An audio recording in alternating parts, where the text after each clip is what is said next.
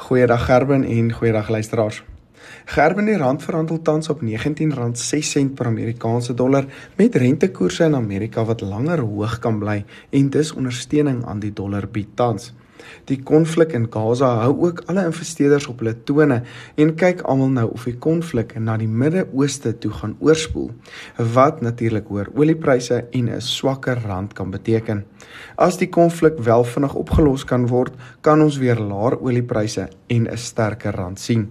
Die Brent oliepryse het gestyg na 90 dollar per vat as gevolg van die konflik wat tans in Gaza aan die gang is en ook aanbod vanaf Rusland en Saudi-Arabië wat laag kan bly tot die einde van hierdie jaar. Die gemiddelde speenkalfprys styg verder en verhandel nou op R33.67 terwyl die gemiddelde A2 karkasprys daal na R53.36. Die C-graadprys het egter gestyg na R46.79.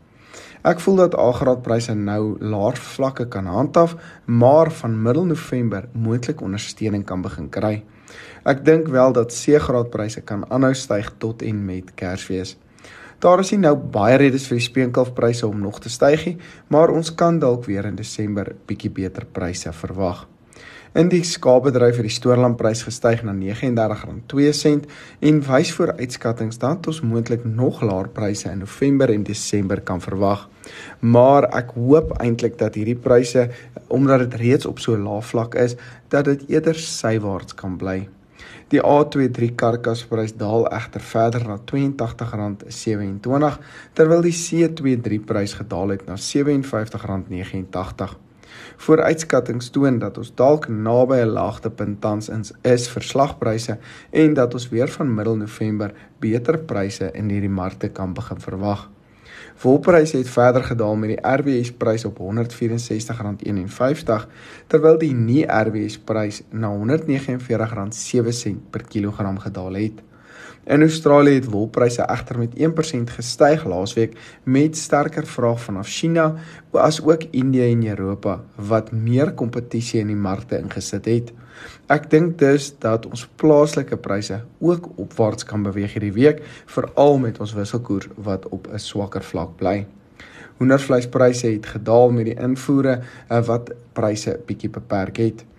Die gevriesde hoendervleisprys daal na R36.85, die varsprys daal na R36.88 met die EQF prys laer op R32.75.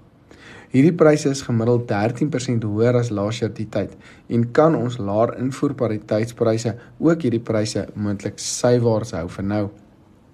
Varkpryse het egter verder gestyg met spekvarkpryse op R37.29, vleisvarkpryse styg na R37.93 terwyl die nuutste worsvarkprys 'n hoër verhandel het op R27.2.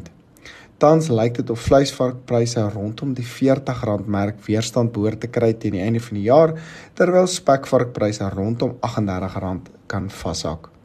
Grootbokpryse daal laasweek na R43.90, kleinbokke daal na R56.01 met bokoeipryse 19% laer op R41.27.